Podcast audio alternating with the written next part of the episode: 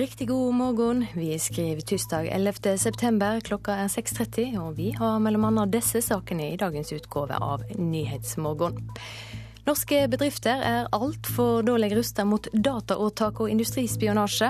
En ny nasjonal plan er på trappene, men statsråd Rigmor Aasrud vil ha flere på banen. Vi trenger en ny plan, men jammen trenger vi et næringsliv som eh, tar større ansvar også.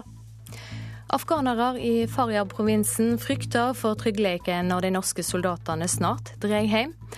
Og i kveld spiller Norge den andre kampen i VM-kvaliken i fotball. Toppfotballsjef Nils Johan Semb mener laget fremdeles kan komme til sluttspillet. Men først altså. Norske bedrifter er for dårlig rustet mot dataopptak og industrispionasje. Det kommer fram i en ny undersøking. Dersom viktig informasjon havner i feil hender, kan bedrifter gå konkurs.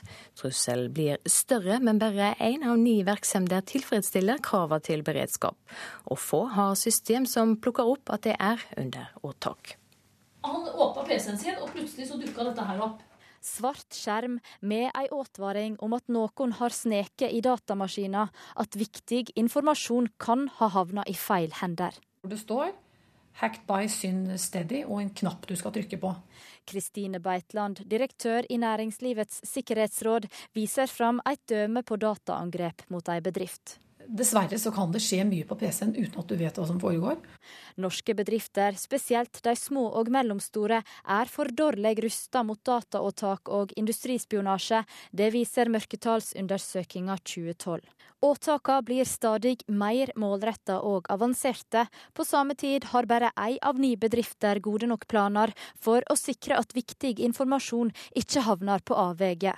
Og Ja, de har altså for få tiltak for å avdekke det som skjer, og for å hindre at uh, nye ting uh, inntreffer.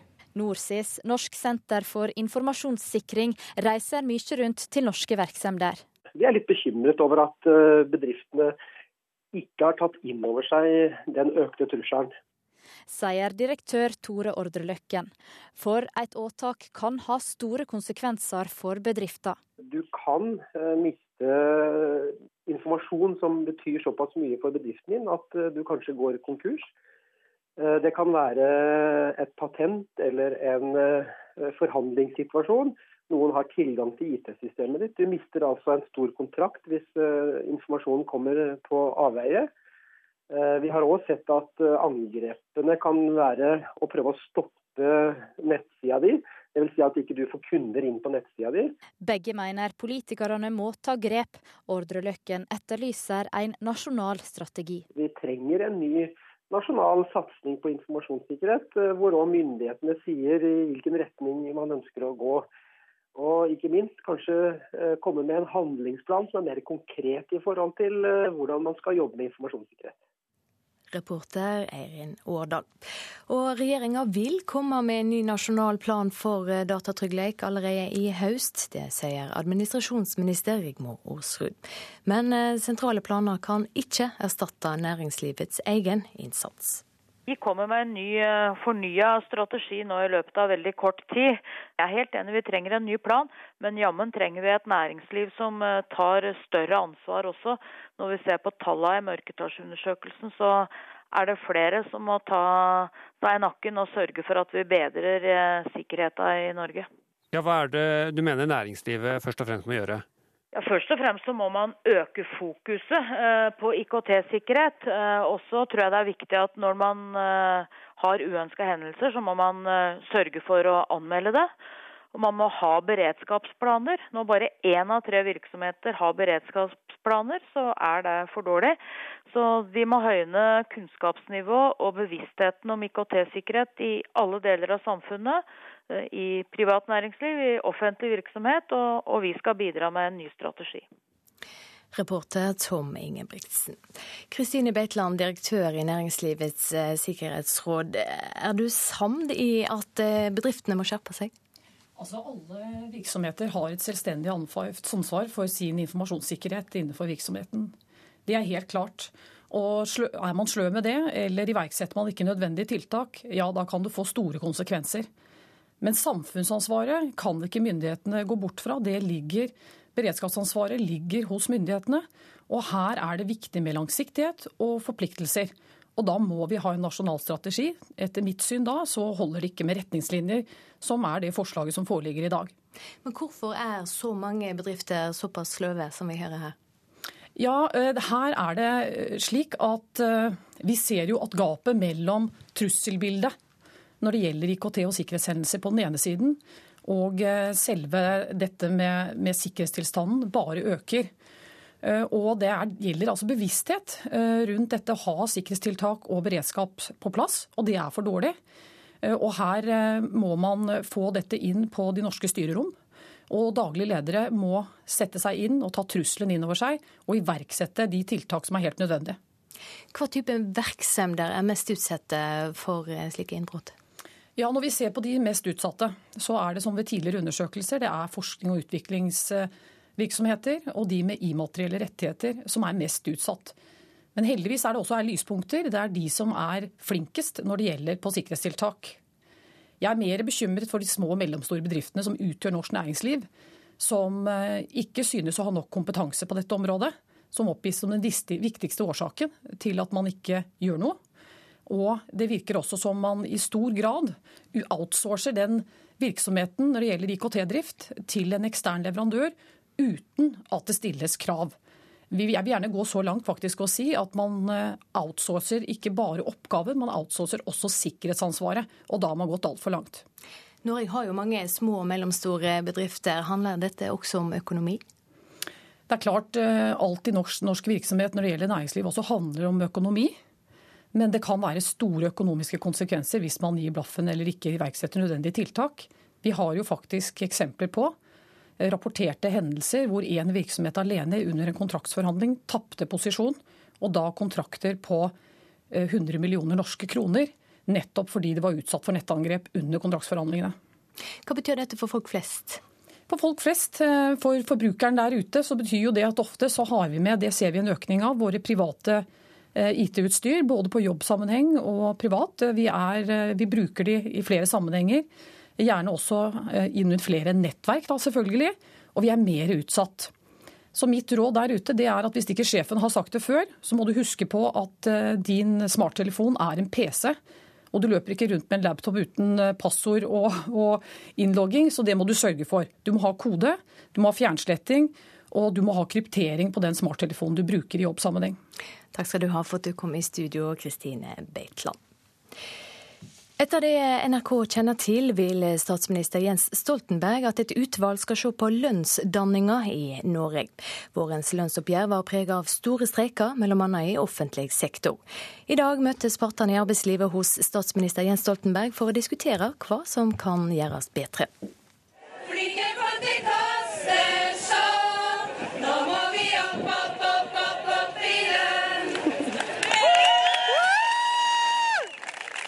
Streikesang og kamprop preget mye av vårens lønnsoppgjør, der bl.a. over 50 000 ansatte i offentlig sektor la ned arbeidet etter at forhandlingene strandet på noen tiendels prosentpoeng. I ettertid mente flere av partene at streiken var unødvendig og burde vært unngått. Administrerende direktør i arbeidsgiverforeningen Spekter, Lars Haukås, ønsker seg en gjennomgang av dagens forhandlingssystem. Et uh, utvalg uh, som kan gi oss uh, mer fakta rundt eh, den situasjonen Norge er i, og hvordan norsk økonomi bør utvikle seg framover, og hvilken, hvilken rolle inntektspolitikken skal ha. I dag møtes partene i arbeidslivet hos statsminister Jens Stoltenberg, og etter det NRK kjenner til, vil Stoltenberg annonsere nettopp et slikt utvalg. LO-leder Roar Flåten sier det er greit å se på systemet på nytt, men sier det er uaktuelt å svekke frontfagsmodellen, som vil si at konkurranseutsatt industri danner grunnlaget for hva andre grupper kan få i lønnstillegg. Vi eh, mener ganske så klart at frontfaget er viktig, og at den har spilt en viktig rolle. Og hvis vi skal gjøre endringer, så skal vi styrke frontfaget og ikke svekke det. Sist gang et offentlig utvalg gikk gjennom lønnsdannelsen i Norge, var i 2003. I det såkalte Holden-utvalget var bl.a. LOs og NHOs sjeføkonomer med, men Lars Haukås i Spekter ønsker seg nå et uavhengig utvalg der partene ikke er med. Vi trenger en beskrivelse, en slags objektiv beskrivelse av virkeligheten så godt som mulig. Og der er det fagfolk som kan gjøre det for oss. Og så får vi se hva de sier etterpå. Vi har ikke noe behov for å sitte i et sånt utvalg. Reporterer Halvard Norum og Hedvig Bjørgum. De norske soldatene i Faryab-provinsen i Afghanistan er for lengst i gang med å pakke sammen leiren sin. 1.10 er det slutt. Faryabs sterke mann Ramatullah Turkistani sier tryggheten blir dårligere når de norske soldatene drar. Vi sitter på sjefens kontor med kartet foran oss i den norskledede leiren i Maimane. Oberst Odd Andreas Søpstad peker og forklarer. Han har selv gjort mange turer rundt i Faryab-provinsen i de åtte årene Forsvaret har operert her, og bekrefter at Taliban er blitt sterkere. Jo, Taliban har nok også blitt eh, det, for det fantes jo egentlig ikke noe særlig Taliban her i 2004. Eh, men hvis vi bruker heller opprørere som en sånn fellesbetegnelse, så er det jo klart at de har jo, det, det fantes jo knapt nok opprørere per definisjon her i 2004. Men de har jo eh, kommet mer og mer på banen. Eh, folk som da kanskje tidligere kun var en eh, lokal sjef i en dal, som vi ikke var på besøk hos. Eh, de har etter hvert fått besøk, og man forsøker da å få de under myndighetenes styring. Og det er de ikke interessert i. Og da setter de seg imot det. Og da kaller vi det opprørere. Det er fortsatt over 100 000 vestlige soldater i Afghanistan. Og er det ikke sannsynlig at det i seg selv kan gjøre det enklere for Taliban og andre å mobilisere befolkningen til kamp, innvender jeg. Jo, medgir den norske sjefen, vi framstilles nok også som en ytre fiende. Det er mange som eh, anser det som både eh, vantro og eh, forsøk på å okkupere landet, og ikke det vi egentlig er for. Og da hjelper det ikke hvor gode intensjoner dere har? Nei, det er veldig vanskelig å tilbakevise disse påstandene. Vi prøver jo med folkeopplysning, informasjonsoperasjoner. Men det å komme ut i et, eh, i et land som da har stor analfabetisme, der det, altså, det er det som sies på fredagsbønna av en mulla, som gjerne er det folk tror på, da, det har vi vanskeligheter med å konkurrere med. Taliban rekrutterer særlig fra den pashtunske folkegruppen, og de er i kraftig mindretall her i Faryab-provinsen. Det usbekiske flertallet er lite interessert i å utvikle fattige pashtunske landsbyer, og sikkerheten har gjort at heller ikke norsk bistand har nådd fram dit i særlig grad. Forsvarets forsøk på å bøte på skjevhetene har ikke vakt særlig entusiasme, verken hos lokale usbekisk-dominerte myndigheter eller hos de afghanske sikkerhetsstyrkene. Søpstad forteller om en hendelse i august. Amerikanerne tilbød penger for å bygge en bro mellom pashtunske og usbekiske landsbyer. Prosjektet forutsatte imidlertid at afghanerne bidro med sikkerhetsstyrker. Alle var enige, men det var ingen som ville stille styrker for å sikre området. Til tross for at alle sjefene her i provinsen var enige om at det var et viktig prosjekt. Og Da kom det ganske tydelig frem at det ikke var noe interesse av å ha noe forbindelse med, over elva mellom det pashtunske området og det usbekiske området. Til tross for at alle var da offisielt enige om at det var et viktig prosjekt. Det ble ingen bro.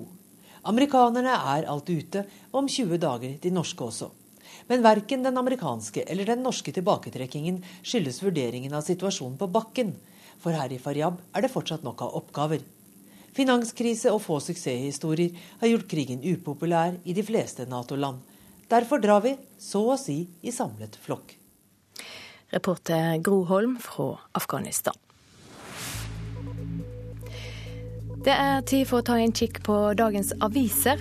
Mulla Krekar er flytta til Kongsvinger fengsel mot sin vilje, skriver VG. PST frykter ifølge avisa at høyrisikofangen vil spille rolla som fangeleier dersom han får høve til å treffe andre muslimer. Dagsavisen har nye rød-grønne krisetall. Avisa har ferske målinger som syner at de aller viktigste politikerne i Senterpartiet ligger an til å bli stående på utsida av Stortinget. Dagbladet skriver om 25 år gamle Eva som ble lurt fra Litauen til Norge for å være sexslave for norske menn. Finansmannen Kristen Sveås taper 5200 kroner per gjest på Bagatell. Ifølge DN har gourmetrestauranten kosta investoren 31 millioner kroner de siste fire åra. Nordlys skriver om mannen som er etterlyst for flere voldtekter i Tromsø. Avisa snakker med flere kvinner som sier de har møtt mannen som er etterlyst, og politiet der ber kvinner i byen om å være ekstra forsiktige. 30 år gamle Shin Dong-hyuk kom til verden i det han kaller 'helvete på jord'. Nordkoreaneren fortalte Aftenposten om tortur, sult, mishandling, hjernevask og angiveri i fangeleiren han til slutt klarte å rømme fra. Kirketilsatte er dobbelt så ofte utbrente som folk flest. Ifølge Vårt Land er det de yngste som er mest plaga av utbrenthet. Og mygl stengte kyllinggrillen, skriver Adresseavisen. Mattilsynet stengte grillavdelinga hos Norsk Kylling på Støren for andre gang på under ett år. Klimaendringer kan gi mer norskprodusert mat, skriver Nasjonen. Forskere ser til avisa at vekstsesongen her i landet kan bli to måneder lengre fram mot år 2100. Norge tar regninga i Afghanistan, skrev Klassekampen. Norske styresmakter skal bruke 150 millioner kroner hvert år på afghanske tryggingsstyrker etter at de norske soldatene blir trukket ut. Eksperter frykter Norge væpner partene i en kommende borgerkrig. Og BA skriver om barn på Askøy som blir nekta skoleskyss fordi de bor for nært skolen. Mange er livredde hver dag på vei til skolen på en smal og svingete vei der bilene passerer tett Fotball nå. Toppfotballsjef Nils Johan Semb mener det let seg gjøre for et landslag å kvalifisere seg til et sluttspill trass tap i den første kampen. Det har han sjøl bevist. I kveld spiller Norge den andre kampen i VM-kvalifiseringa mot Slovenia, et lag den tidligere landslagssjefen har varierte erfaringer med. Jeg kan vel si det sånn at jeg har hatt både min, på mange måter min beste og min verste opplevelse med det å møte Slovenia. Nils Johan Sem var landslagssjef for Norge fra 1998 til 2003. Han er nok den som kjenner Slovenia best, på godt og vondt. Mest vondt gjorde det i EM i 2000 mot nettopp Slovenia. Vi er i kvartfinalen. Norge har spilt 0-0 mot Slovenia. Med 0-0 ville Semb og Norge komme til kvartfinalen.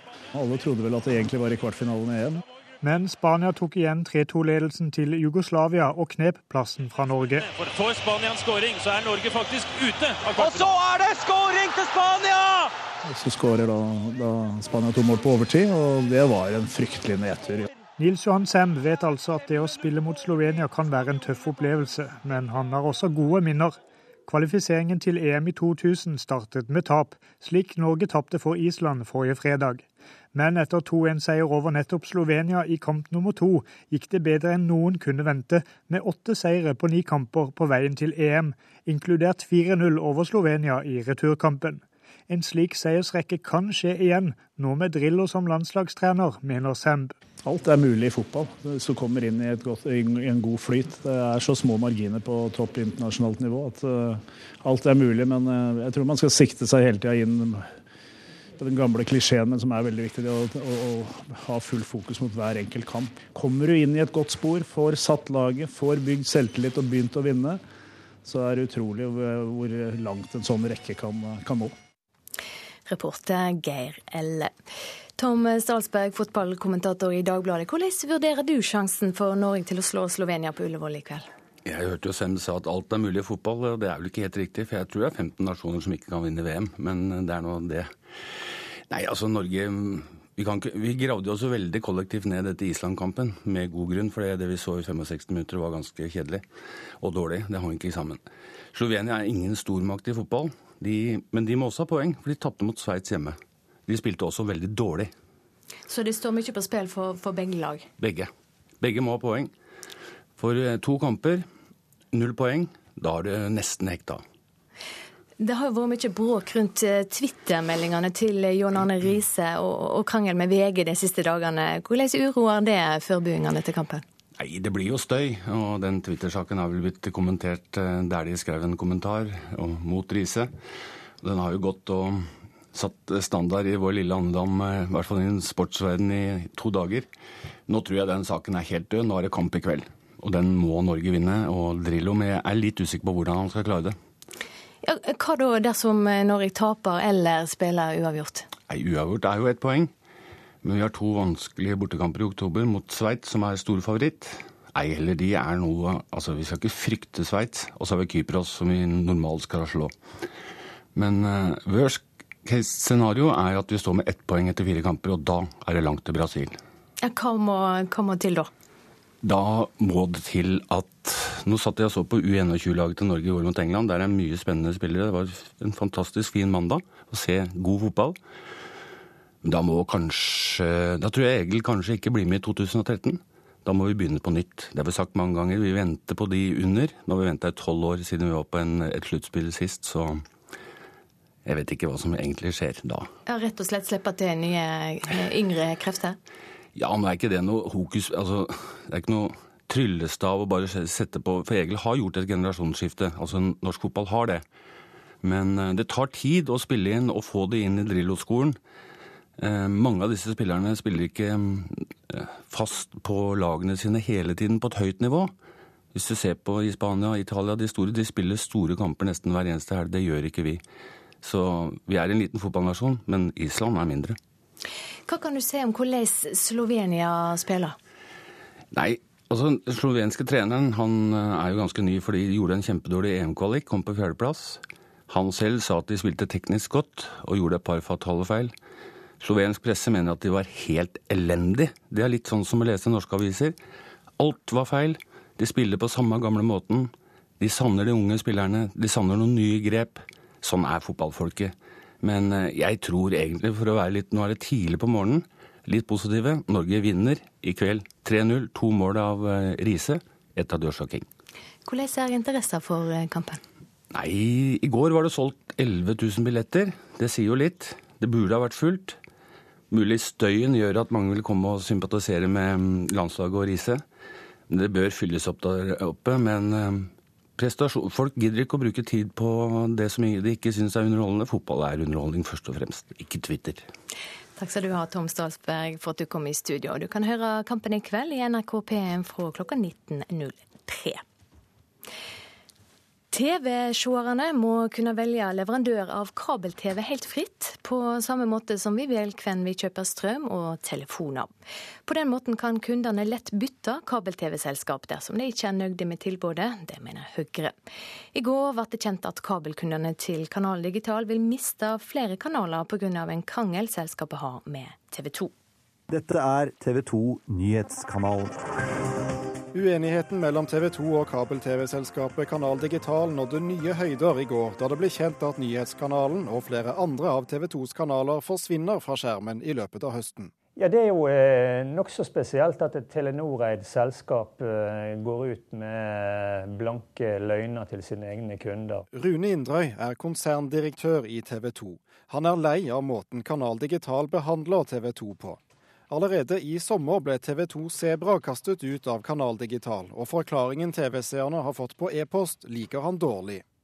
Takk for henvendelsen, skriver de. Vi har dessverre mistet distribusjonsavtalen for denne kanalen, altså Sebra. Og vi er i dialog med TV 2-gruppen og jobber med å få den tilbake. Vi beklager problemet. Dette er altså da ren eh, løgn. Kanal Digital vil ha seg frabedt å fare med løgn. Det er TV 2 som er skyld i at kun hovedkanalen blir igjen for kabelkundene til Håkon Lie Dragland, produkt- og strategidirektør i Kanal Digital. De ønsker at det skal fremstå at Kanal Digital fjerner TV 2s kanaler. Det er ikke riktig. Det som imidlertid er fakta, er at TV 2 nylig har sendt oss et brev der de sier opp distribusjonsavtalen på TV 2 Nyhetskanalen, TV 2 Bliss, TV 2 Filmkanalen fra 23.11. Når TV-seerne merker at det ikke lenger er så mye som skjer på TV-skjermen, er det på tide å ta noen grep, mener politikerne. Fremskrittspartiet krever at kulturministeren rydder opp i TV-krangelen. Høyre mener flere kabel-TV-selskaper må få slippe til gjennom samme kabelen for å sikre TV-seerne valgmuligheter. Feiden mellom TV 2 og Kanal Digital viser at kunden må få alternativer, sier stortingsrepresentant Peter Gitmark. Det er det eneste forslaget som tar kunden på alvor. Jeg tror jo verken Kanal Digital eller Get eller Altibox eller hvem enn det måtte være, vil klare å finne det optimale tilbudet for meg. Eller for deg. Og det må jo gjøres av meg eller deg ut ifra våre premisser, våre behov og vår lommebok. Dagens politikk er gammeldags og må forandres, og vi trenger en mediepolitikk som sier at forbrukeren er faktisk viktigere enn selskapene. Reporter Thomas Alvarstein Ove. I går kveld åpna det nye Arne Norheim-senteret ved Norges musikkhøgskole. Senteret skal både samle verka etter Norges mest kjente samtidskomponist, og bidra til nyskaping innen musikk og forskning på musikk.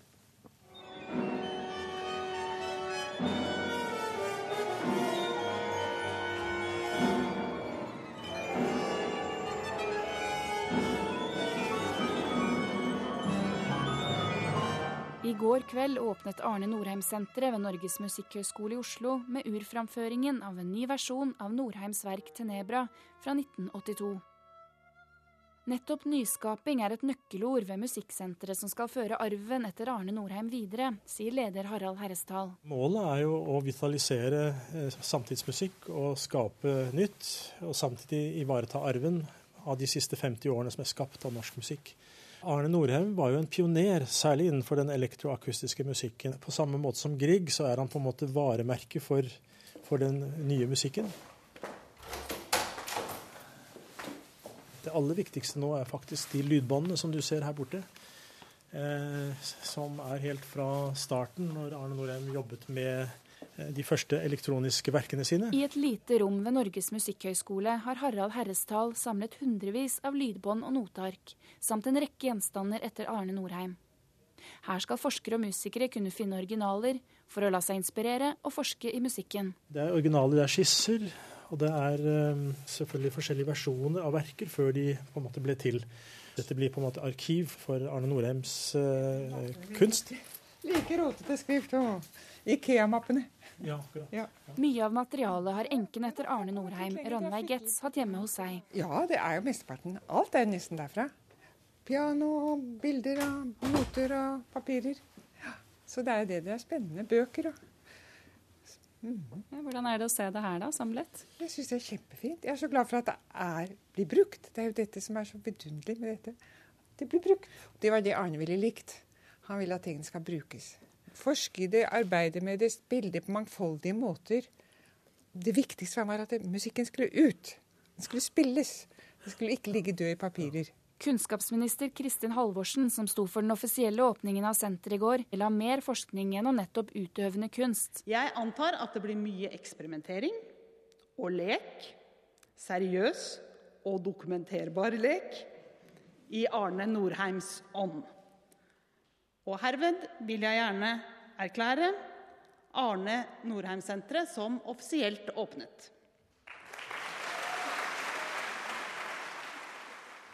Og kunnskapsministeren gir 2,5 millioner kroner mer over neste års statsbudsjett til kunstnere som forsker gjennom kunsten sin. Reporter Ida Kvittingen. Vi skal ha et eh, værvarsel. Fjellet i Sør-Norge litt regn av og til. I formiddag sørlig opp i sterk kuling utsatte steder. Økende nedbørintensitet. I ettermiddag vestlig opp i liten kuling, først i vestlige strøk. Regnbyger. Østlandet og Telemark på kysten øker til sørlig stiv kuling. Midt på dagen kortvarig sterk kuling utsatte steder. Litt regn, lokal skodde. Agder periodevis sørlig stiv kuling på kysten. Regn. Rogaland sørøstlig liten kuling på kysten. Regn. Fra i ettermiddag vestlig liten kuling på kysten. Hordaland får regn. Fra i ettermiddag sørvestlig liten kuling på kysten. Regnbyger kan hende med torevær. Sogn og Fjordane regn. Fra i formiddag sørlig liten kuling på kysten. Dreiende sørvestlig ved Stad stiv kuling. Regnbyger kan hende med torevær. Møre og Romsdal på kysten etter hvert sørvestlig liten kuling. Regn fra i ettermiddag regnbyger. Trøndelag litt regn av og til, fra i ettermiddag vestlig liten kuling på kysten. Helgeland og Saltfjellet delvis skyer oppholdsvær. Salten, Ofoten, Lofoten og Vesterålen litt regn i vestlige deler av Lofoten og Vesterålen, ellers delvis skyer oppholdsvær. Troms sørøstlig liten kuling utsatte steder, litt regn i grensetraktene, ellers for det meste opphold og litt sol. Finnmark sørøstlig liten kuling utsatte steder, for det meste opphold og litt sol, men på vidda mer skyer og kanskje regn. Nordensjøland på Spitsbergen sørøstlig frisk bris, stiv kuling utsatte steder. Litt regn, i ettermiddag mer nedbør. Og vi har ett spesialvarsel. Først på dagen blir det lokalt mye nedbør i Hordaland, Sogn og Fjordane og på Sunnmøre. Det blir eh, kaldere i Sør-Norge, uendret i Nordland. I resten av landet litt varmere. Og vi skal ha med temperaturene målte klokka fem. Svalbard lufthavn tre, Kirkenes fem, Vardø åtte, Alta ni, Tromsø-Langnes seks. Bodø 13, Brønnøysund 14, Trondheim, Værnes 12, Molde og Bergen 10, Stavanger 15, Kristiansand, Kjevik 16, Gardermoen og Lillehammer 14, Røros 13 og Oslo-Blindern 15 grader.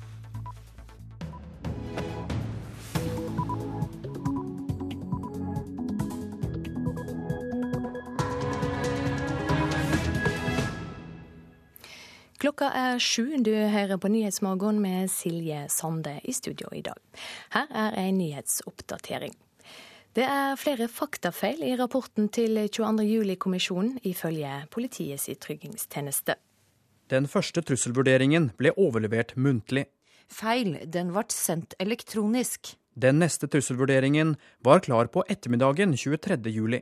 Feil, den var klar langt tidligere, klokka tre natt til 23. juli, skriver PST.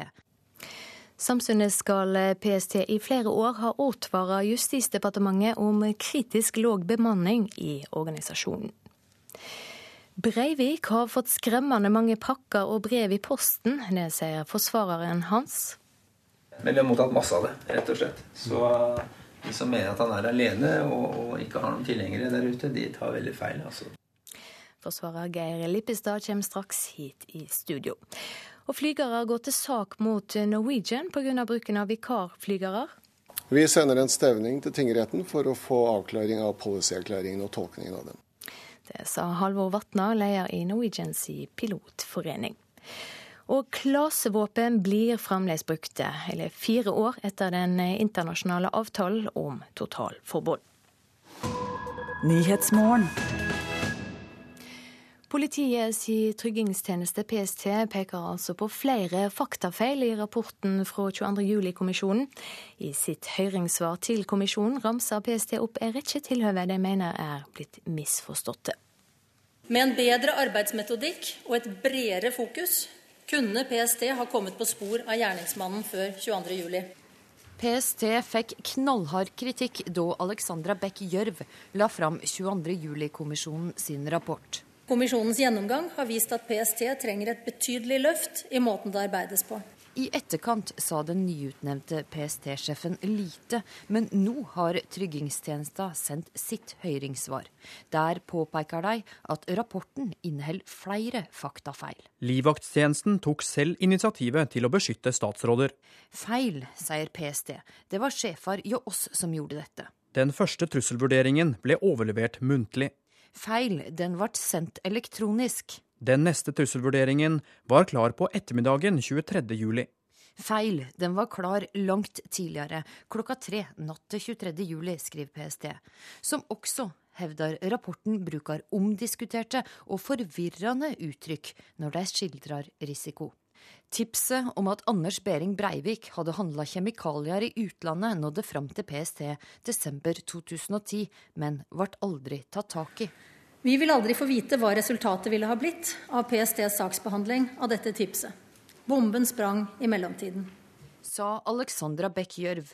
PST er enig i at tipset ikke ble behandla godt nok, men skriver samtidig at dette ikke nødvendigvis betyr at PST er svake på håndtering av andre og mer kvalifiserte opplysninger. Overordna skriver PST at de tar inn over seg kommisjonen sin kritikk og stiller seg bak forslagene til forbedring. Men til slutt i svaret sitt skriver de at de finner det vanskelig å rette et kritisk blikk mot rapporten slik en vanligvis gjør, av respekt for ofre, råka og etterlatne. Og korkje kommisjonsleder Alexandra Beck Gjørv eller PST ønsker å uttale seg om denne saka nå, reporter Astrid Randen. Politiets tryggingstjeneste skal i flere år ha advart Justisdepartementet om kritisk låg bemanning i organisasjonen. Dette kommer fram i to hemmelige rapporter som bare utvalgte stortingsrepresentanter har fått lese. I to graderte dokumenter fra PST til Justisdepartementet skal PST over flere år ha advart om kritisk lav bemanning. Rapportene gir et inntrykk av at terrorovervåkningen i Norge er blitt skadelidende pga. for få ressurser, skriver Dagens Næringsliv. Det er den utvidede utenriks- og forsvarskomiteen på Stortinget som har fått lese rapportene, men de er så hemmelige at det ene eksemplaret Stortinget fikk, ble låst inne i et skap. Hvert medlem kunne lese dokumentet for å returnere det med en gang. Ifølge Dagens Næringsliv sine kilder er det mest alvorlige at advarslene fra PST om trange budsjetter ikke ble formidlet videre til Stortinget. I 22. juli-kommisjonens rapport går det fram at både tidligere justisminister Knut Storberget og nåværende justisminister Grete Faremo mener de har bevilget nok penger til PST. Storberget har også flere ganger redegjort for Stortinget over hvor mye større ressurser PST har fått. Gjørv-kommisjonen skriver i sin rapport at økningen representerer i liten grad aktivitet innenfor PSTs kjerneområder. Det sa reporter Ellen Omland. Det har vært skremmende å se hvor mange tilhengere Anders Behring Breivik har. Det sier forsvareren hans, Geir Lippestad. Terrorekspert Tore Bjørgo sier politiet har grunn til å ta Breivik sine meningsfeller på alvor. På Lippestad sitt kontor har det stadig kommet brev og gaver til massemorderen i løpet av det siste året. Jeg fikk en eh, pakke på kontoret her i dag. Pakke full av godteri. Men pakka var ikke til forsvarer Geir Lippestad. Vi er tilbake til dagen da sluttprosedyrene skal fremføres i 22. juli-rettssaken. Nok en gave har landet på Lippestads kontor til klienten Anders Behring Breivik. Jeg tenker, jo, jeg tenker jo, hvem er det som sender en eh, stor pakke med, med badekåpe og med Oppi er en blå badekåpe og masse smågodt. Det stikker ut glinsende blått gavebånd på den ene siden. Men vi har mottatt masse av det, rett og slett. Så de som mener at han er alene og, og ikke har noen tilhengere der ute, de tar veldig feil. altså. Lippestad opplever at overraskende mange støtter Breivik. Fordi eh, det er jo ikke noe sånn bare noen få det er snakk om. Det er relativt mange. Eh, som sagt ikke gjør disse handlingene, som har disse tankene. Jeg tror man skal ta dette alvorlig. Terrorforsker på Politihøgskolen Tore Bjørgo mener støtteerklæringene til Breivik utgjør en trussel. Det, det at han faktisk får noen som, som uttrykker støtte til seg, og, og eh, det han har gjort, det er jo bekymringsfullt. Han sier vi ser en ny og farlig form for høyreekstremisme nå. Tidligere, så tilbake på 80- og 90-tallet, så hadde vi det vi etter hvert kalte nasjonalistmiljøet, som var et fysisk miljø. Mennesker som møtte hverandre, eh, som opptrådte på gata. Og man fant fram til metoder som var effektive, og man fikk bukt med disse, dette eh, voldsorienterte miljøet eh, i løpet av 90-tallet og begynnelsen av 2000-tallet. Det vi har fått nå, det er et, et høyreekstremt miljø som ikke ikke eksisterer i det fysiske rom på samme måte. Det er et uttrykk for en annen type høyreekstremisme som er mye vanskeligere å få grep på, få oversikt på, mye vanskeligere for politiet å overvåke, og hvor de tradisjonelle forebyggende virkemidlene er lite effektive. Lippestad har vanskelig for å forstå alle støtteerklæringene. Undringen over ikke nødvendigvis bare han, men at det er så vidt mange eh, som han. Undringen rundt, rundt, det kommer jeg til å ta med meg hele veien til jeg ender i grava, tror jeg. Reportere Runar Henriksen Jørstad og Ellen Borge Christoffersen. Og Brennpunkt syner dokumentaren om Lippestad gjennom 22. juli-rettssaka på NRK1 i kveld eh, klokka 21.30. Og like før halv åtte kommer Lippestad hit til oss i studio i Nyhetsmorgen. Men nå til deg, Anders Djupskås. Du er stipendiat ved Institutt for statsvitenskap ved Universitetet i Oslo, og du jobber med en bok om høyreekstremisme i Europa, som er like rundt hjørnet. Hva slags menneske er det som applauderer en mann som tok livet av 77 mennesker? Jeg tror kanskje vi bør skille mellom en del type grupper, hvis vi skal forstå alle de forskjellige motivene som finnes for å sende brev til eh, Breivik, nå som han er fengslet. Det er eh, for det første da åpenbart en gruppe av ideologiske kampfeller. Personer som eh, støtter det han har gjort, og som ser på han som, en, eh, som et forbilde, som en, en mann som han ønsker å, å, videreføre den kampen som han har startet på. Vi har et eksempel der med en Nick Greger, som var en eks-nynazist og nå en mer kristen ekstremist, som, som, sendte et brev og som sier at han vil gjerne være med å starte, denne Knights Templar-gruppen som, som Breivik ønsker å starte også. Så har vi da en annen gruppe av beundrere, eh, og det er jo ikke noe nytt fenomen i det hele tatt. Kvinner som ofte blir eh, fascinert av, eh, av voldsmenn, av massedrapsmenn. Det har vi sett masse eksempler på tidligere. Det finnes jo mange forklaringer på hvorfor det skulle være slik. Det kan være synet på maktforhold. Noen psykologer har lansert teorien om at dette er første gang hvor kvinnene, disse slike kvinner kan føle at det er de som dominerer forholdet. Det er på en måte de som er i maktposisjon, den andre personen sitter inne. og han kan tror de da ikke si, være utro eller lignende, men det er de som har makt, makten i forholdet. Så er det åpenbart en gruppe av mer nysgjerrigperer. Altså, jeg sjekket et par nettsteder i går hvor det er folk som sier at de ønsker å sende brev til han fordi de har spørsmål de lurer på, rett og slett. Eh, og Det kan være av alt mulig slags karakter. De stoler kanskje ikke på det de får vite i mediene, og ønsker å spørre Breivik direkte. Og så til slutt så har vi ofte en kategori av mer skal vi si, religiøse fanatikere som tenker at hvor Breivik blir på en måte den, den vanskeligste casen. altså De skal prøve å omvende han. ikke sant? De sender et brev. Eh, Hør lytt til meg, så skal du på en måte eh, bli fri fra det onde og, og kjenne liksom eh, Jesus Kristus fylle deg helt. Så da blir det på en måte sånn at hvis de kan klare Breivik, da kan de klare hvem som helst i verden. Så det er mange forskjellige motiver for hvorfor man ønsker å sende brev altså til, til, ABB. Men For å ta den første gruppa du nevnte, der det handler om ideologi. Hvor mange er de? Ja, Det er ikke noe lett, det er akkurat som Tore Bjørgo sier i intervjuet, det er ikke noe lett å estimere akkurat hvor mange det skulle være snakk om. Man har jo sikkerhetsrapporter fra ulike land som man prøver å gi et anslag på hvor mange militante skal skal si, høyreekstremister det finnes i ulike land. Man har 10 000-15 000 har man snakket om i Spania. Man har eh, rundt 25 000 er de nyeste tallene fra Tyskland. I et vårt naboland Sverige f.eks., hvor det har vært mer utbredt enn i, i, Norge, så snakker man om en sted mellom 500, mellom 500 og 1000 kanskje, eh, slike militante ekstremister. Og i Norge har det vært veldig, veldig få, og de er veldig uorganisert. Men det er klart at eh, internett nå har gjort at eh, mange flere får vite om det. Mange flere blir på en måte dratt inn eh, i slike si, subkulturer. Vi vet at i, f.eks. i et land som Sverige igjen, så snakker man opp, opp mot 10% av unge mennesker har besøkt en sånn hatside på internett i løpet av et år. Det er klart at det gjør at det er både vanskelig for politiet å overvåke, og det skjer på en måte litt mer sånn, på en litt mer skal vi si, sakte og mer subtil måte, og ikke så direkte som før, hvor man da måtte møte opp på gata og gå i demonstrasjonstog. Nå kan man på en måte besøke en sånn hatside en gang iblant og, og bli sakte, men sikkert kanskje radikalisert, da, eller fanget opp av det i det subkulturmiljøet. Takk skal du ha for at du kom i studio, Anders Djupskås. Nå skal vi høre at flygerne i Norwegian går til sak mot ledelsen i selskapet. De mener det er et avtalebrudd når Norwegian let Spania-baserte vikarer fra utenlandske vikarbyrå fly på etablerte ruter i Skandinavia. Vi sender en stevning til tingretten for å få avklaring av policyerklæringen og tolkningen av den. Det sier Halvor Vatnar, leder i Norwegian pilotforening. Han mener Norwegian-sjef Bjørn Kjos har brutt en lovnad. Ja, som vi ser det, ja. For i vår var det stor fare for flygerstreik i Norwegian. Stridstema nummer én var den økende bruken av kontraktspiloter ansatte gjennom utenlandske vikarbyrå. De ansatte ved Norwegians nye base i Malaga sør i Spania er ansatt på denne måten, og selskapet reduserer kostnader slik. Det er en praksis Bjørn Kjos forsvarer, mellom annet gjorde han det i en internvideo til Norwegian-ansatte i vår.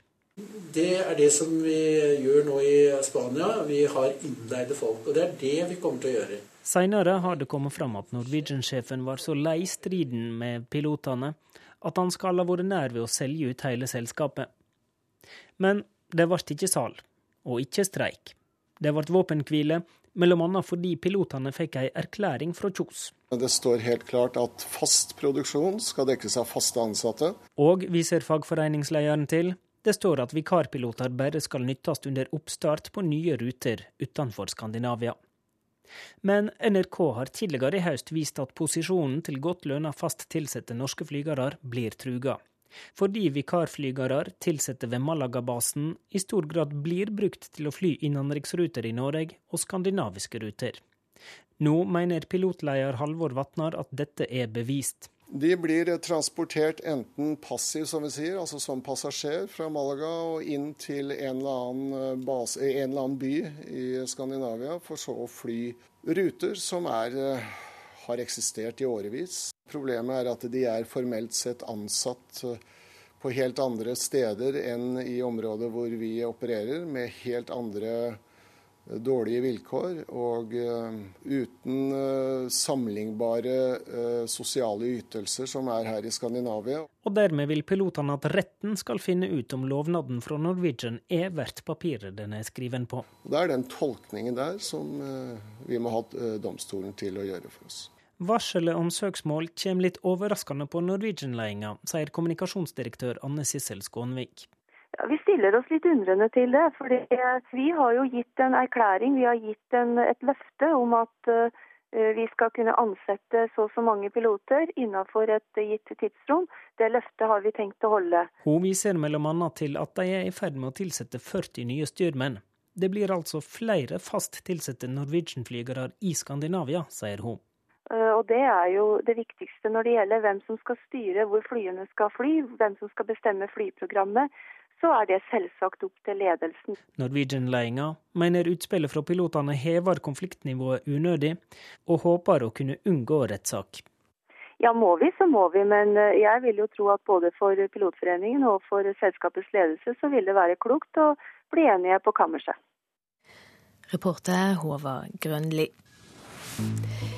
Da er klokka blitt 7.15. Eh, du hører på Nyhetsmorgen i NRK P2, og dette er våre hovedsaker nå. Det er flere faktafeil i rapporten til 22. juli-kommisjonen, ifølge politiets tryggingstjeneste. Norske bedrifter er altfor dårlig rusta mot dataåtak og industrispionasje. Og det har ikke mangla på brev og pakker til Anders Behring Breivik det siste året. Skremmende, sier forsvarer Geir Lippestad. Mer om det straks. Russland eh, først, for der står parlamentsmedlemmet Gennadij Gudkov i fare for å bli ekskludert fra den russiske statsdumaen. Gudkov har vært en av de fremste kritikerne av president Vladimir Putin sin politikk, men en parlamentskomité hevder nå at han har drevet forretningsvirksomhet ved sida av å være folkevalgt, noe som ikke er tillatt. Og Moskva-korrespondent Hans-Wilhelm Steinfeld, dreier dette seg om et regelbrudd, eller er det en politisk hevnaksjon? Ifølge Gennadij Gudkov på de føderale TV-kanalene her i går kveld, så begynner Russland å nærme seg diktaturet. Han mener dette er en vendetta fra Putins parti Forent Russland, fordi han deltok på vinteren og vårens protestmøter mot Putin. Når det gjelder forretningsdriften, sier han at ja, han står fremdeles som generaldirektør for et vekterselskap, men det er næringsdrift under avvikling. Imidlertid så pågår det stadige sjekker fra myndighetenes side som gjør at han ikke har rukket å nedlegge sitt verv som ansvarlig leder for en slik vekterbedrift. Og russisk næringsliv bombarderes med slike eh, sjekkinger fra bl.a. skattemyndighetene. Ja, Vi har jo sett sterk vilje fra Putin til å kvele politisk opposisjon etter at han eh, tok over som president igjen i mai. Prøver han nå å kvitte seg med kritikere i eh, parlamentet? Om ikke Putin selv gjør det, så er det åpenbart, ifølge eh, sosialdemokratiske parti Rettferdig Russland, at Putins parti prøver å gå Putin til hånde og så å si eh, sleike han opp etter ryggen ved å gjennomføre slike aksjoner. Mannen som ledet senatet i elleve år frem til mai i fjor. Sergej Mironov sier nå at dette er en ulovlig handling fordi ingen kan miste sitt mandat i Dumaen uten at uh, forfatningsdomstolen har uttalt seg. Og dette vil da uh, partiet Rettferdig Russland ta til forfatningsdomstolen uh, etter fredag, da Dumaen kommer til å ha behandlet dette. Og Sergej Mironov var presidentkandidat i år, tidligere Putin-alliert, som må er meget kritisk til det som skjer. Takk skal du ha for at du var med Moskva-korrespondent Hans-Wilhelm Steinfeld.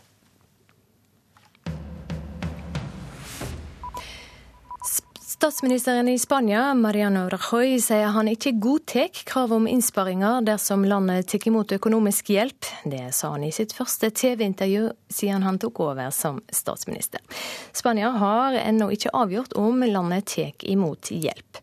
Forrige uke la Den europeiske sentralbanken fram en plan om å kjøpe statsobligasjoner fra de kriseråka landene mot strenge økonomiske krav. Striden mellom Japan og Kina om ei øygruppe tilspisser seg. I natt har Kina sendt to skip for å patruljere ved øyene i Øst-Kina-havet. Japan sa i går at de har en avtale med de japanske grunneierne om å kjøpe det vesle øyriket, som de kaller Senkaku. Kineserne kaller det for Diao. De to svenske journalistene som satt 14 år i fengsel i Etiopia, feirer med en øl etter at de slapp fri like før midnatt. I natt fløy de ut fra Etiopia til en hemmelig stad. Der skal de slippe av før de drar hjem til Sverige. Martin Skiby sier til nyhetsbyrået TTA at det var et større sjokk å slippe ut enn å havne i fengsel. Nå skal det handle om klasevåpen her i Nyhetsmorgen, for eh, klasevåpen blir fremdeles brukte fire år etter at den internasjonale avtalen om forbud kom. Samtidig med et stort internasjonalt møte i Oslo om dette våpenet, så kan Human Rights Watch dokumentere at klasevåpen blir brukte i Syria mot eh, sivile og opprørere. Og Atle Karlsen fra Norsk Folkehjelp, eh, hvorfor er det slik? Ja, Det er litt vanskelig å si sånn i utgangspunktet, tror jeg. fordi eh, Det er en spesiell situasjon i Syria. Jeg tror normen eh, mot bruk av klasevåpen eh, er godt innført eh, gjennom klaseforbudet. Eh, så det er nok en veldig spesiell situasjon. Hvor eh, får Syria tak i, i disse våpnene? Ja, Det er vi ikke helt sikre på, men det er nok en god del våpen fra Russland fra gammelt av, vil vi tro. Men det er ikke bekrefta verken fra våre folk eller fra Human Rights Watch-folk på bakken, tror jeg. Men blir det fremdeles produsert klasevåpen? Det blir produsert klasevåpen av en del land som ikke ennå er en del av konvensjonen, dessverre. Men eh, når land holder fram med å lage klasevåpen, hva, hva, kommer det da ut av slike møter som i Oslo i dag mot eh, klasevåpen? Jeg tror vi er rimelig sikre på at, eh, at, konvensjonen allerede er en stor suksess. Eh, mange av de landene som tidligere har hatt lagre og har brukt klasevåpen, eh, er i ferd med å destruere våpnene sine. Og jeg tror på tross av noe produksjon fortsatt, så er nok, nok stigma mot å bruke våpnene blitt, blitt veldig sterkt allerede, allerede etter noen få år. Er det slik at jeg må regne med at det går litt tid før når det kommer slik forbud? Ja, det tror jeg. Eh, eh, fordi klasevåpenkonvensjonen, akkurat som eh, konvensjonen mot landminer, har jo ikke alle landene i verden med seg. Men normen som blir bygd, blir bygd sten for sten. Ja, alle land er altså ikke med. Er det, er det mulig med et totalforbud? Ja, jeg tror eh, i praksis er det mulig med et totalforbud. Eh, og igjen, eh, som med landminekonvensjonen, fordi om ikke alle landene nødvendigvis formelt blir med, så tror vi forbudet i praksis eh, blir et, et, et totalforbud. Hva rolle spiller Norge når det gjelder kampen mot eh, klasevåpen? Ja, Norge har jo vært eh, helt, helt, essensielle. De startet prosessen i 2006. Konvensjonen ble signert her i Norge i desember 2008. Og nå er vi tilbake i Norge for tredje årlige møte for statspartene, etter å ha vært i de affekterte landene Laos og Libanon underveis. Takk skal du ha for at du kom i studio, Atle Karlsen fra Norsk eh, Folkehjelp. Vi skal ta en eh, kikk på dagens aviser. Dagbladet skriver om 25 eh, år gamle Eva som ble lurt fra Litauen til Norge for å være sexslave for norske menn. Nordlys skriver om mannen som er etterlyst for flere voldtekter i Tromsø. Avisa har snakka med flere kvinner som sier de har møtt mannen som er etterlyst for flere voldtekter. altså. Og Politiet i Tromsø ber kvinner om å være ekstra forsiktige. Finansmannen Kristen Sveås taper 5200 kroner per gjest på Bagatell. Ifølge DN har gourmetrestauranten kosta investoren 31 millioner kroner de siste fire åra. 30 år gamle Shin Dong-hyuk kom til verden i det han kaller 'helvete på jord'. Nordkoreaneren fortalte Aftenposten om tortur, svelt, mishandling, hjernevask og angiveri i fangeleiren han til slutt klarte å rømme fra. Dagsavisen har nye rød-grønne krisetall. Avisa ferske målinger som viser at de aller viktigste politikerne i Senterpartiet ligger an til å bli stående på utsida av Stortinget. Kirketilsatte er dobbelt så ofte utbrente som folk flest. Ifølge Vårt Land er det de yngste som er mest plaga av utbrenthet. Og mygl stengte kyllinggrillen, skriver Adresseavisen. Mattilsynet stengte grillavdelinga hos Norsk Kylling på Støren for andre gang på under ett år.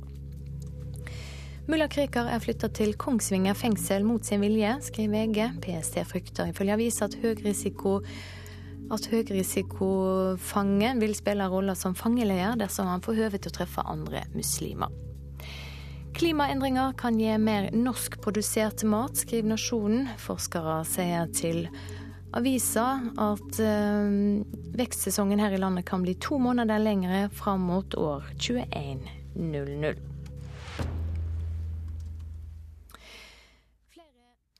Flere menn her i landet tar førskoleutdanning, det syner tall fra høgskolene. Men det er få eller ingen søkere til barnehagene og SFO. Menn må få hjelp til å finne plassen sin i kvinnemiljøer, mener eksperter. Vil dere ha stor fart eller liten fart? Stor fart.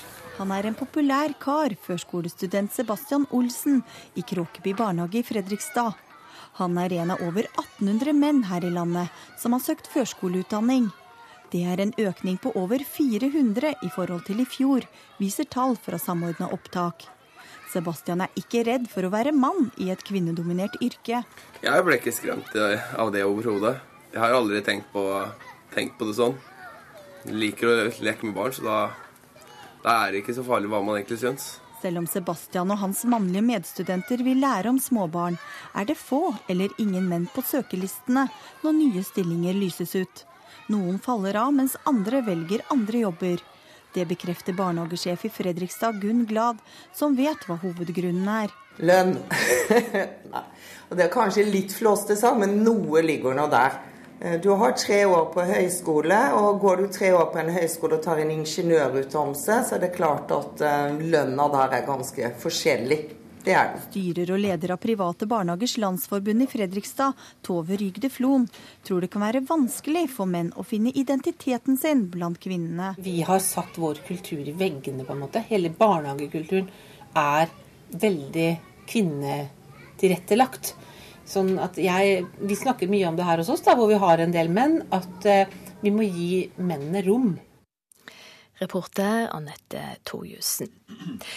For eh, første gang kan vi få et innblikk i hva som skjedde i kulissene under terrorrettssaka i Oslo tingrett. NRK-journalist Runar Henriksen Jørstad har fått være med på forsvarerne sitt pauserom. Resultatet kan vi se på Brennpunkt i kveld. Velkommen i studio, Geir Lippestad. Hvordan har det vært å ha et TV-team hengende over seg? Ja, det tenderer vel til selvplaging å invitere Brennpunkt eh, nært innpå eh, oss eh, under rettssaken. Og det var jo en del andre også som, som fulgte oss.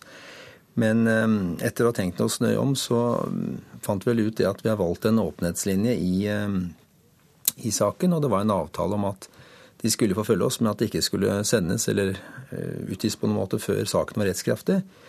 Og um, jeg syns resultatet har blitt bra. Det gir et innblikk i hvordan vi jobbet, spesielt under rettssaken, og hvilke dilemmaer vi, vi sto oppe i. La det føringer for hva kameraet kunne få lov å filme? Nei, ikke når de var der. Da gjorde de det akkurat sånn som de vil, og sånn som journalister gjør. Men det er klart at vi har klare retningslinjer, både advokatetisk, taushetsplikt og andre ting. Vi skal ivareta klientens interesser, og, og, og, og, det dro vi alltid en grense opp imot. Men Eh, når de var til stede, så, så, er det jo de som bestemmer både hva som ble filmet, og hva som etter hvert ble, ble denne filmen. Du sa først nei til Brennpunkt, og så snudde du. Hvorfor det?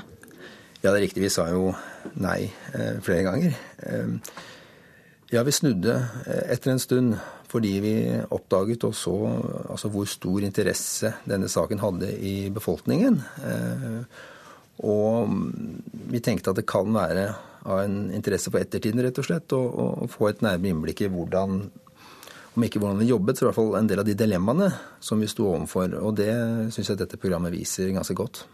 Ja, Du har jo sett det ferdige programmet som vi alle kan se i kveld. Vil du si at det er det inntrykket som blir gitt der, stemmer med hvordan det var på bakrommet under rettssaka?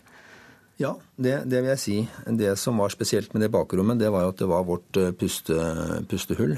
Ehm, dette var en svært alvorlig sak, og, og, vi var jo svært alvorlige stort sett eh, hele tiden. Men, men på bakrommet så kunne vi avreagere, og vi kunne tenke høyt, og vi kunne diskutere på en slik måte som vi ikke kunne gjøre utenfor rommet. Så på den måten så, så får man innblikk i en litt annen setting og en annen måte å være på. Takk skal du ha for at du kom i studio, Geir Lippestad. Du hører på Nyhetsmorgen i NRK P2. Produsent i dag det er Anna Jetlund Hansen. I studio Silje Sande.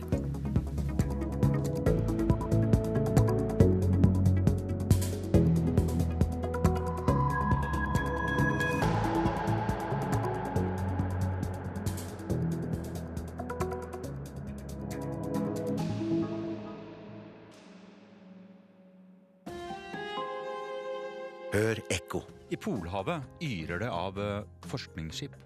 Norske, danske, russiske, kinesiske, canadiske, amerikanske. Jakter de egentlig på ny kunnskap om algenes fascinerende livssyklus, alle sammen? Eller handler det om olje? Hvem skal eie Nordpolen, spør vi i Ekko. Jonas Gahr Støre svarer. Ekko 9 11 i NRK P2.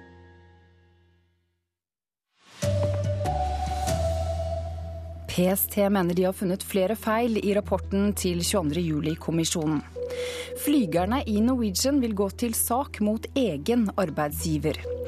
To menn har i hele natt sittet fast i en arbeidskurv høyt over Nordfjorden. Nå vil de ned. Her er NRK Dagsnytt klokken 7.30. Politiets sikkerhetstjeneste påpeker flere faktafeil i 22. juli-kommisjonens rapport. I sitt svar til kommisjonen ramser PST opp en rekke forhold de mener har blitt misforstått.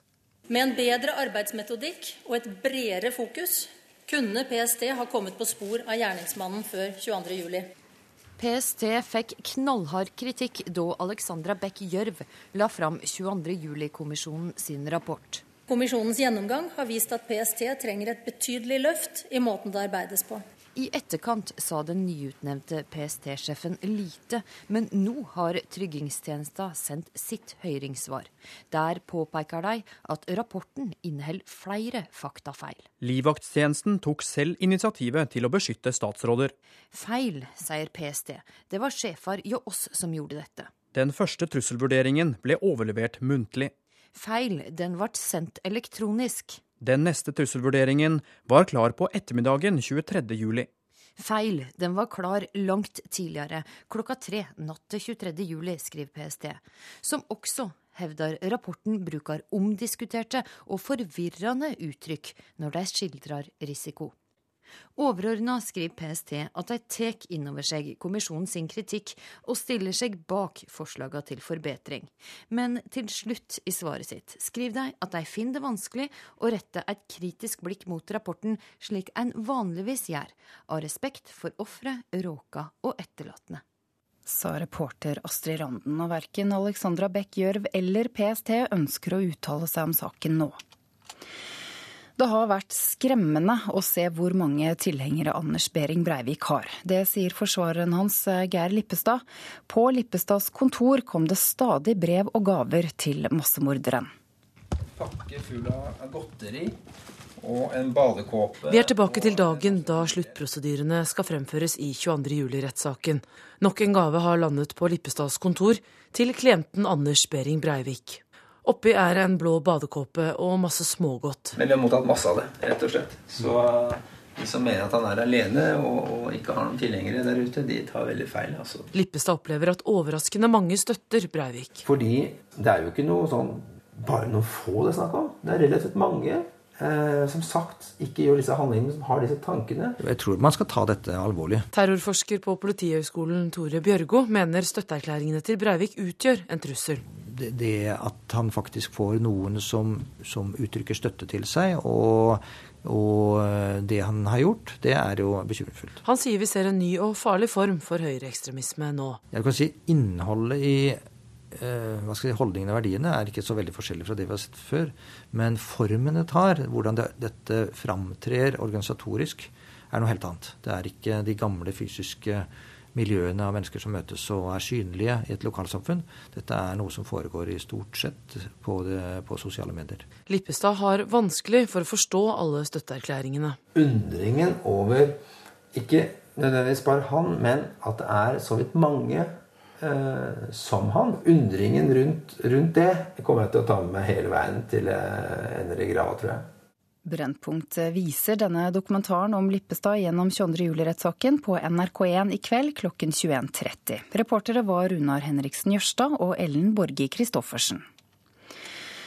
Flygerne i Norwegian varsler søksmål mot ledelsen i selskapet sitt. Leder i Norwegian pilotforening, Halvor Vatnar, mener det er et avtalebrudd når selskapet lar vikarer fra utenlandske vikarbyråer fly på etablerte ruter i Skandinavia. Vi sender en stevning til tingretten. Han mener at Bjørn Kjos har brutt en lovnad. Som vi ser det, ja. Det står helt klart at fast produksjon skal dekkes av faste ansatte. Skandinaviske ruter skal ikke ha flygere innleid fra utenlandske vikarbyrå. Men tidligere i høst skildra NRK hvordan slike kontraktspiloter fra Norwegians Malaga-base ble brukt i Skandinavia. Nå mener også Vatnar at dette er bevist. De blir transportert enten som passasjer fra Malaga og inn til en eller annen by i Skandinavia, for så å fly ruter som har eksistert i årevis. Problemet er at de er formelt sett ansatt på helt andre steder enn i området hvor vi opererer, med helt andre eh, dårlige vilkår. Vikarpiloter var et heftig stridstema under lønnsforhandlingene i vår. Det ble våpenhvile, men nå blusser striden opp igjen.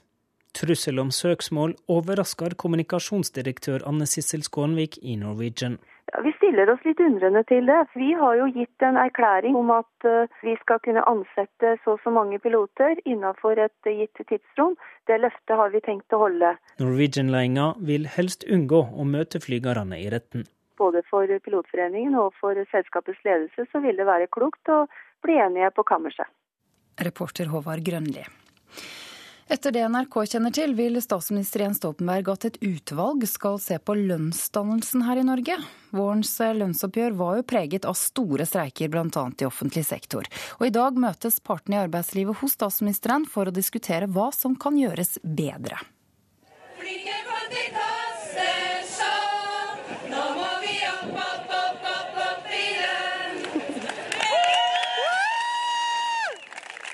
Streikesang og kamprop preget mye av vårens lønnsoppgjør, der bl.a. over 50 000 ansatte i offentlig sektor la ned arbeidet etter at forhandlingene strandet på noen tiendedels prosentpoeng. I ettertid mente flere av partene at streiken var unødvendig og burde vært unngått. Administrerende direktør i arbeidsgiverforeningen Spekter, Lars Haukås, ønsker seg en gjennomgang av dagens forhandlingssystem. Et uh, utvalg uh, som kan gi oss uh, mer fakta rundt eh, den situasjonen Norge er i, og hvordan norsk økonomi bør utvikle seg framover, og hvilken, hvilken rolle inntektspolitikken skal ha. I dag møtes partene i arbeidslivet hos statsminister Jens Stoltenberg, og etter det NRK kjenner til, vil Stoltenberg annonsere nettopp et slikt utvalg. LO-leder Roar Flåten sier det er greit å se på systemet på nytt, men sier det er uaktuelt å svekke frontfagsmodellen, som vil si at konkurranseutsatt industri danner grunnlaget for hva andre grupper kan få i lønnstillegg. Vi eh, mener ganske så klart at frontfaget er viktig, og at den har spilt en viktig rolle. Og hvis vi skal gjøre endringer, så skal vi styrke frontfaget og ikke svekke det. Reportere Halvard Norum og Hedvig Bjørgum. To menn har måttet tilbringe natten i en arbeidskurv over 100 meter over Nordfjord i Sogn og Fjordane.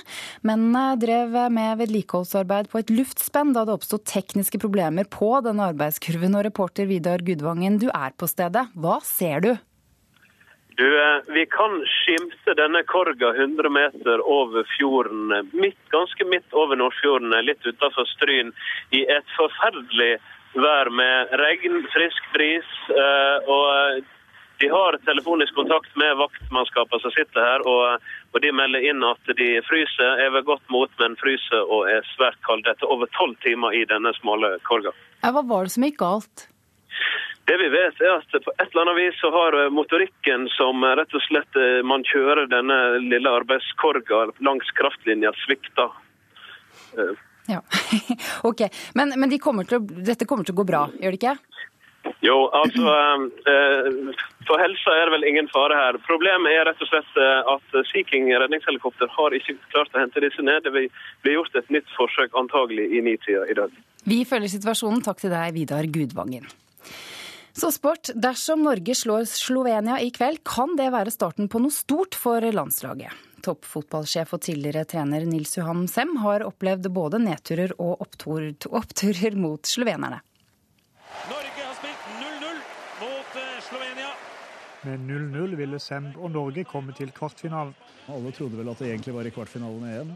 Men Spania tok igjen 3-2-ledelsen til Jugoslavia og knep plassen fra Norge. Så er det skåring til Spania! Så skårer da, da Spania to mål på overtid, og det var en fryktelig nedtur. jo. Nils Johan Sem vet altså at det å spille mot Slovenia kan være en tøff opplevelse, men han har også gode minner. Kvalifiseringen til EM i 2000 startet med tap, slik Norge tapte for Island forrige fredag.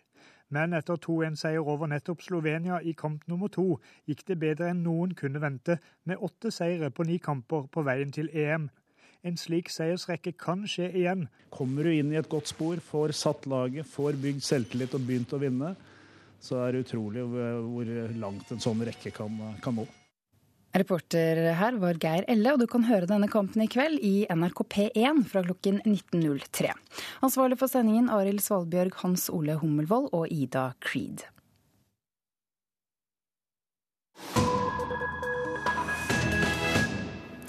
Her i Nyhetsmorgen skal vi til Spania. Neste måned er det 15 år siden Guggenheim-museet i Bilbao åpna. Museet som er blitt et førebilde verden over, og som sjøl har skapt et omgrep, Bilbao-effekten. Den handler om å kjempe mot den økonomiske krisen med kunst og kultur. Arnt Stefansen er i Bilbao. Det står som et glitrende fantasiskip i sentrum av byen, og det har forandret mye. Guggenheim-museet her i Bilbao er et av de mest omtalte og beundrede byggverk i verden de siste tiårene, og det er symbolet på en kultursatsing som ble mer vellykket enn noen våget å håpe på. Det går veldig bra med oss, sier Guggenheim-museets talskvinne Marga Meoro. Og vi er overrasket over at vi, midt i en dyp økonomisk krise her i Spania, kan se tilbake på den tredje beste sommersesongen i museets historie, med mer enn 290 000 besøkende. En av grunnene er at mange spanjoler dropper utenlandsreisen og tilbringer sommerferien i eget land fordi de har mindre penger.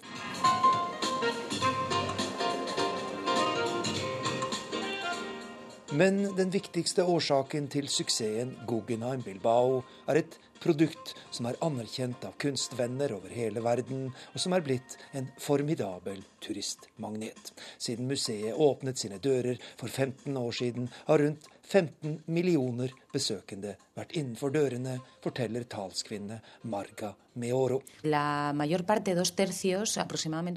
Nesten to tredeler av gjestene våre kommer fra utlandet. Det betyr at de legger igjen mye penger, i form av reisekostnader, overnatting, måltider osv. Og, og det økonomiske utbyttet for byen og næringslivet er enormt.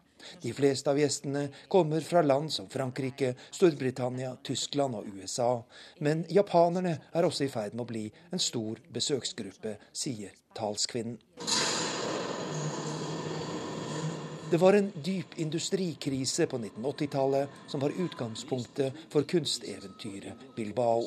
I stedet for tradisjonell industripolitikk lanserte byens politikere en for mange formastelig tanke å satse på kunst for å komme ut av krisa. Store investeringer og et nært samarbeid med den amerikanske Guggenheim-stiftelsen førte til åpningen av Guggenheim-museet i 1997. Den i dag så berømte Bilbao-effekten er blitt et forbilde for byer over hele verden pues más de 100 ciudades de todo el mundo. Eh, bastantes más de 100. Kulturpolitikere fra langt mer enn 100 byer har vært på besøk her i årenes løp for å studere våre erfaringer, sier Guggenheim-museets talskvinne. Og mange har utvilsomt hatt nytte av dette, selv om det ikke er så lett å få til det samme. For det var mye som klaffet for oss den gangen, og vi var nok litt heldige. Byen hadde penger, politikerne hadde visjoner, og en av verdens mest prestisjetunge museumsstiftelser var på jakt etter et sted å bygge. Guggenheim Bilbao fyller 15 år og slår på stortromma i jubileumsåret. I juli var legenden Bob Dylan på besøk, og de siste ukene har titusener av kunstvenner gledet seg over høstens store separatutstilling. Fargesprakende landskapsbilder fra Storbritannias største nålevende maler, David Hackney. Breivik har fått mange pakker og brev fra meningsfeller. Terrorekspert er uroa over den store tilhengerskaren. Flyselskapet Norwegian blir saksøkt av egne flygere. Og to menn har i hele natt sittet fast i ei arbeidskåg under ei kraftlinje i Nordfjord. Nå vil de ned. Programleder for Politisk kvarter, Lars Nehru Sane, du har kommet i studio, og du har et litt spesielt stikkord for dagens sending.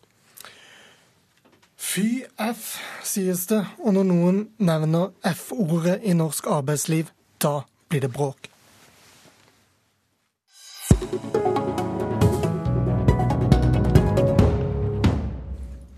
F for frontfag.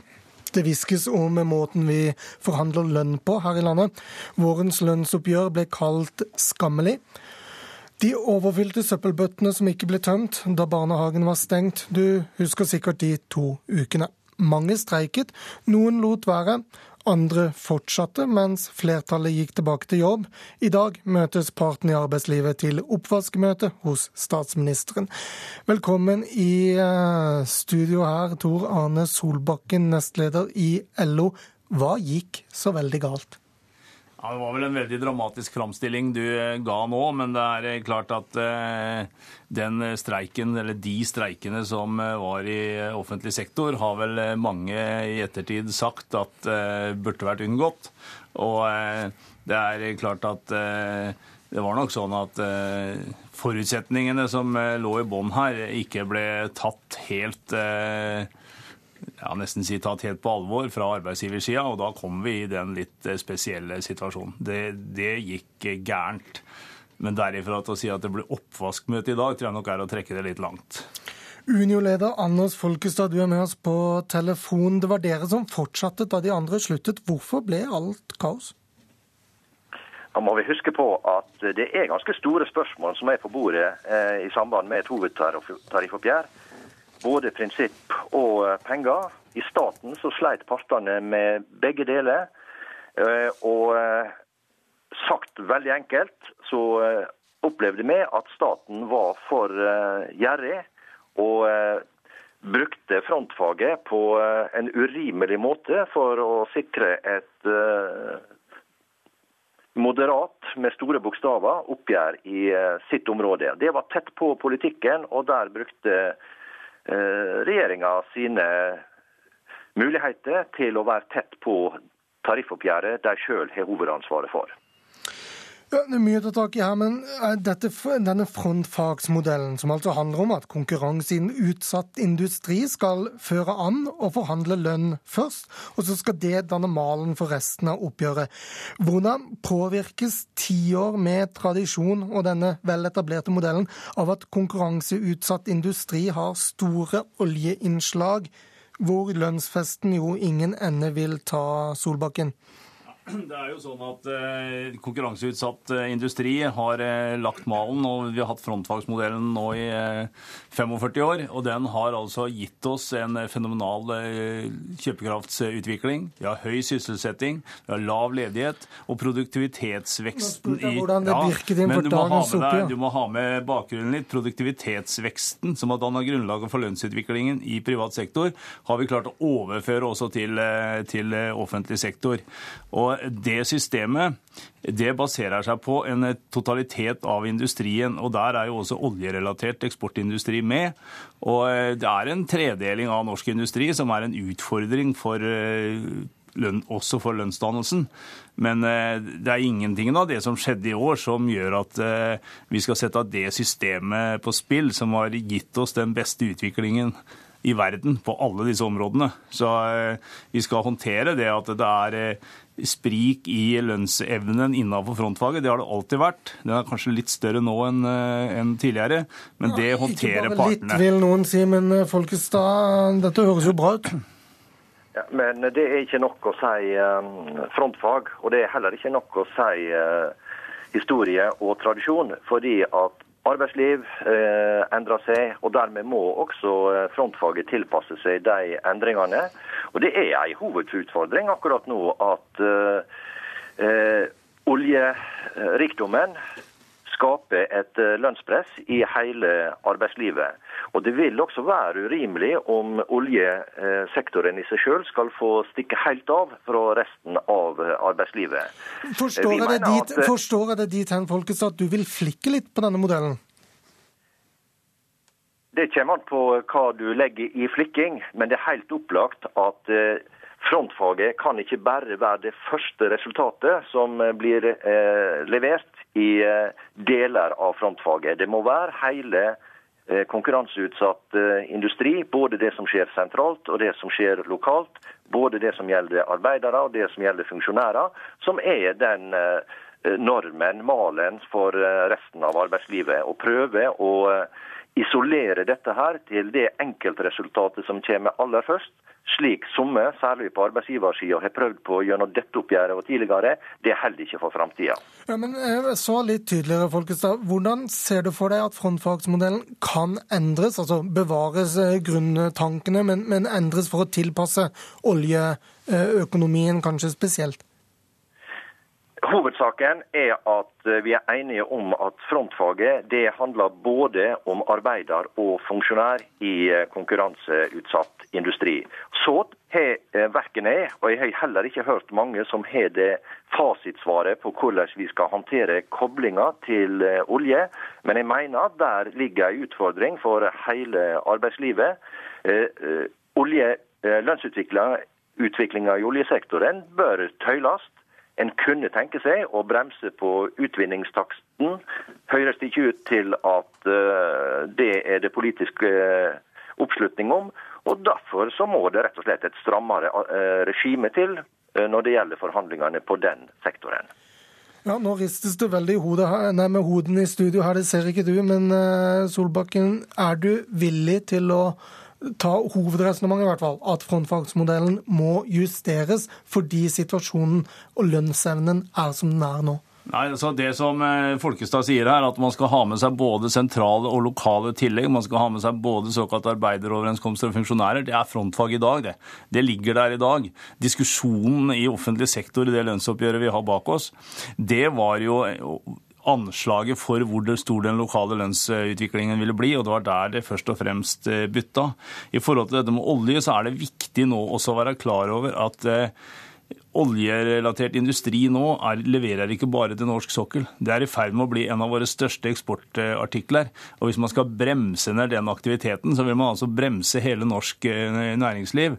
Så det er egentlig en helt umulig situasjon. Og du kan ikke det at vi er så eh, ledende på dette området, er jo fordi at vi har hatt en kontinuerlig kompetanseutvikling og innovasjon innenfor disse områdene.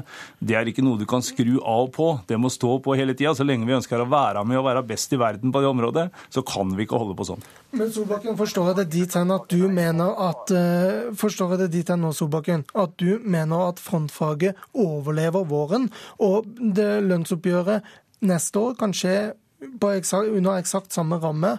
Eh, eller mal som i år. Frontfaget kommer til å overleve av det man eh, må diskutere. Du er ikke villig til å endre på noe? Vi må diskutere hvordan, eh, hvordan, overslaget her mellom frontfag og offentlig sektor eh, kan eh, gjøres bedre. For det er klart at når man fikk en streik i kommunesektoren Så man fikk ikke frontfaget, men måten frontfaget håndteres på i andre områder. Og når man fikk en streik i kommunal sektor uten at de kommunalt ansatte egentlig hadde fått et eneste tilbud på bordet, da har systemet for den lønnsforhandlingen feila. Men selve frontfaget og basisen for det har jeg ingen tro på, ingen intensjon om å være med å endre. Men eh, hvis du ikke henger deg opp i dette F-ordet, hva er du villig til å se på for å justere i takt med oljeøkonomien, som du jo tydeligvis er enig i? Nei, vi må, eh, vi må, passe på lønnsutviklingen. Da er ikke jeg enig i at lønnsutviklingen innenfor oljesektoren sånn sett har vært så, eh, så voldsom som det Folkestad gir uttrykk for. Tallene viser jo at sånn prosentvis er alle sektorene sånn noenlunde på linje over en tiårsperiode. Noen ulike utslag over tid har vi, men de blir stort sett nulla ut igjen over noen få, eh, få år. Sånn at den krisemaksimeringa som som Folkestad og noen andre legger opp til nå, den er det etter min vurdering ikke grunnlag for. Svært kort til slutt. Eh, som NRK har meldt, så skal eh, eh, Stoltenberg invitere til et utvalg som skal ta lærdom av dette. Hva bør mandatet være der, først Solbakken? Nei, Det får man komme fram til i det møtet som skal være i dag. Men utgangspunktet, hovedoverskrifta for det, det eventuelle utvalget, bør være hvordan styrke frontfaget. Det er jo meningsløst at, eh, at, Solbakken her sier at jeg krisemaksimerer. Det er han sjøl som snakker om tredelinga av økonomien. Det er ikke tvil om at oljen er, er, drivende. Jeg er helt enig med Solbakken i at frontfaget eh, er arbeider og funksjonær.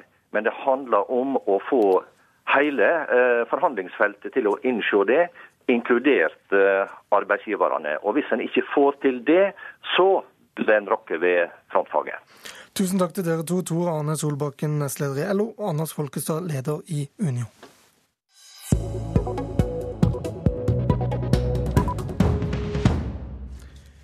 I dag holder Fremskrittspartiet sin strategikonferanse, hvor planene frem mot neste års valg skal legges. Og velkommen nestleder Per Arne Olsen. Takk for det. Hvordan ser veien til et Frp i regjering ut fra deres ståsted nå? Det ser jo egentlig ganske bra ut. Og da, da er vi over på det andre F-ordet i, i, Norge, nemlig Fremskrittspartiet. Eh, Gallupene peker eh, oppover, har gjort det i god tid. Hele borgerlig eller ikke-sosialistisk side eh, gjør det ganske bra. Men vi har hodet ganske kaldt. Galluper er galluper, og det er i valg sånt avgjøres. Så det har vært utromt mang en vinner et år før valget eh, mang en gang, og som ikke har vært vinnere etterpå. Så vi jobber trutt og fast for å eh, få høyest mulig oppslutning om Fremskrittspartiet, og på den måten få størst mulig innflytelse i en ny eh, ikke-sosialistisk regjering. Til det siste. Størst mulig oppslutning, mest mulig makt. Der er det en motsetning for dere, for dere kan jo få mest mulig makt ved å ikke bli så veldig mye større enn dere er nå, og la Høyre nærmest bli størst. Er ikke det riktig?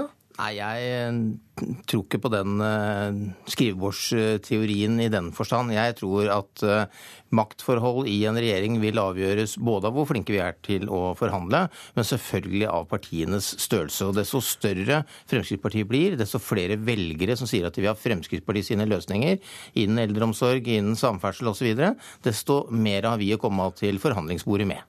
Men inntrykket etter 2009 er vel ikke at det er helt ubetydelig hvorvidt Frp er størst eller Høyre er størst? Nei, jeg hører noen sier det, og, og, jeg tror personlig at eh, det at det er likeverdige parter, eller noenlunde likeverdige parter i en, i en forhandling, det er aldri vondt for en forhandling.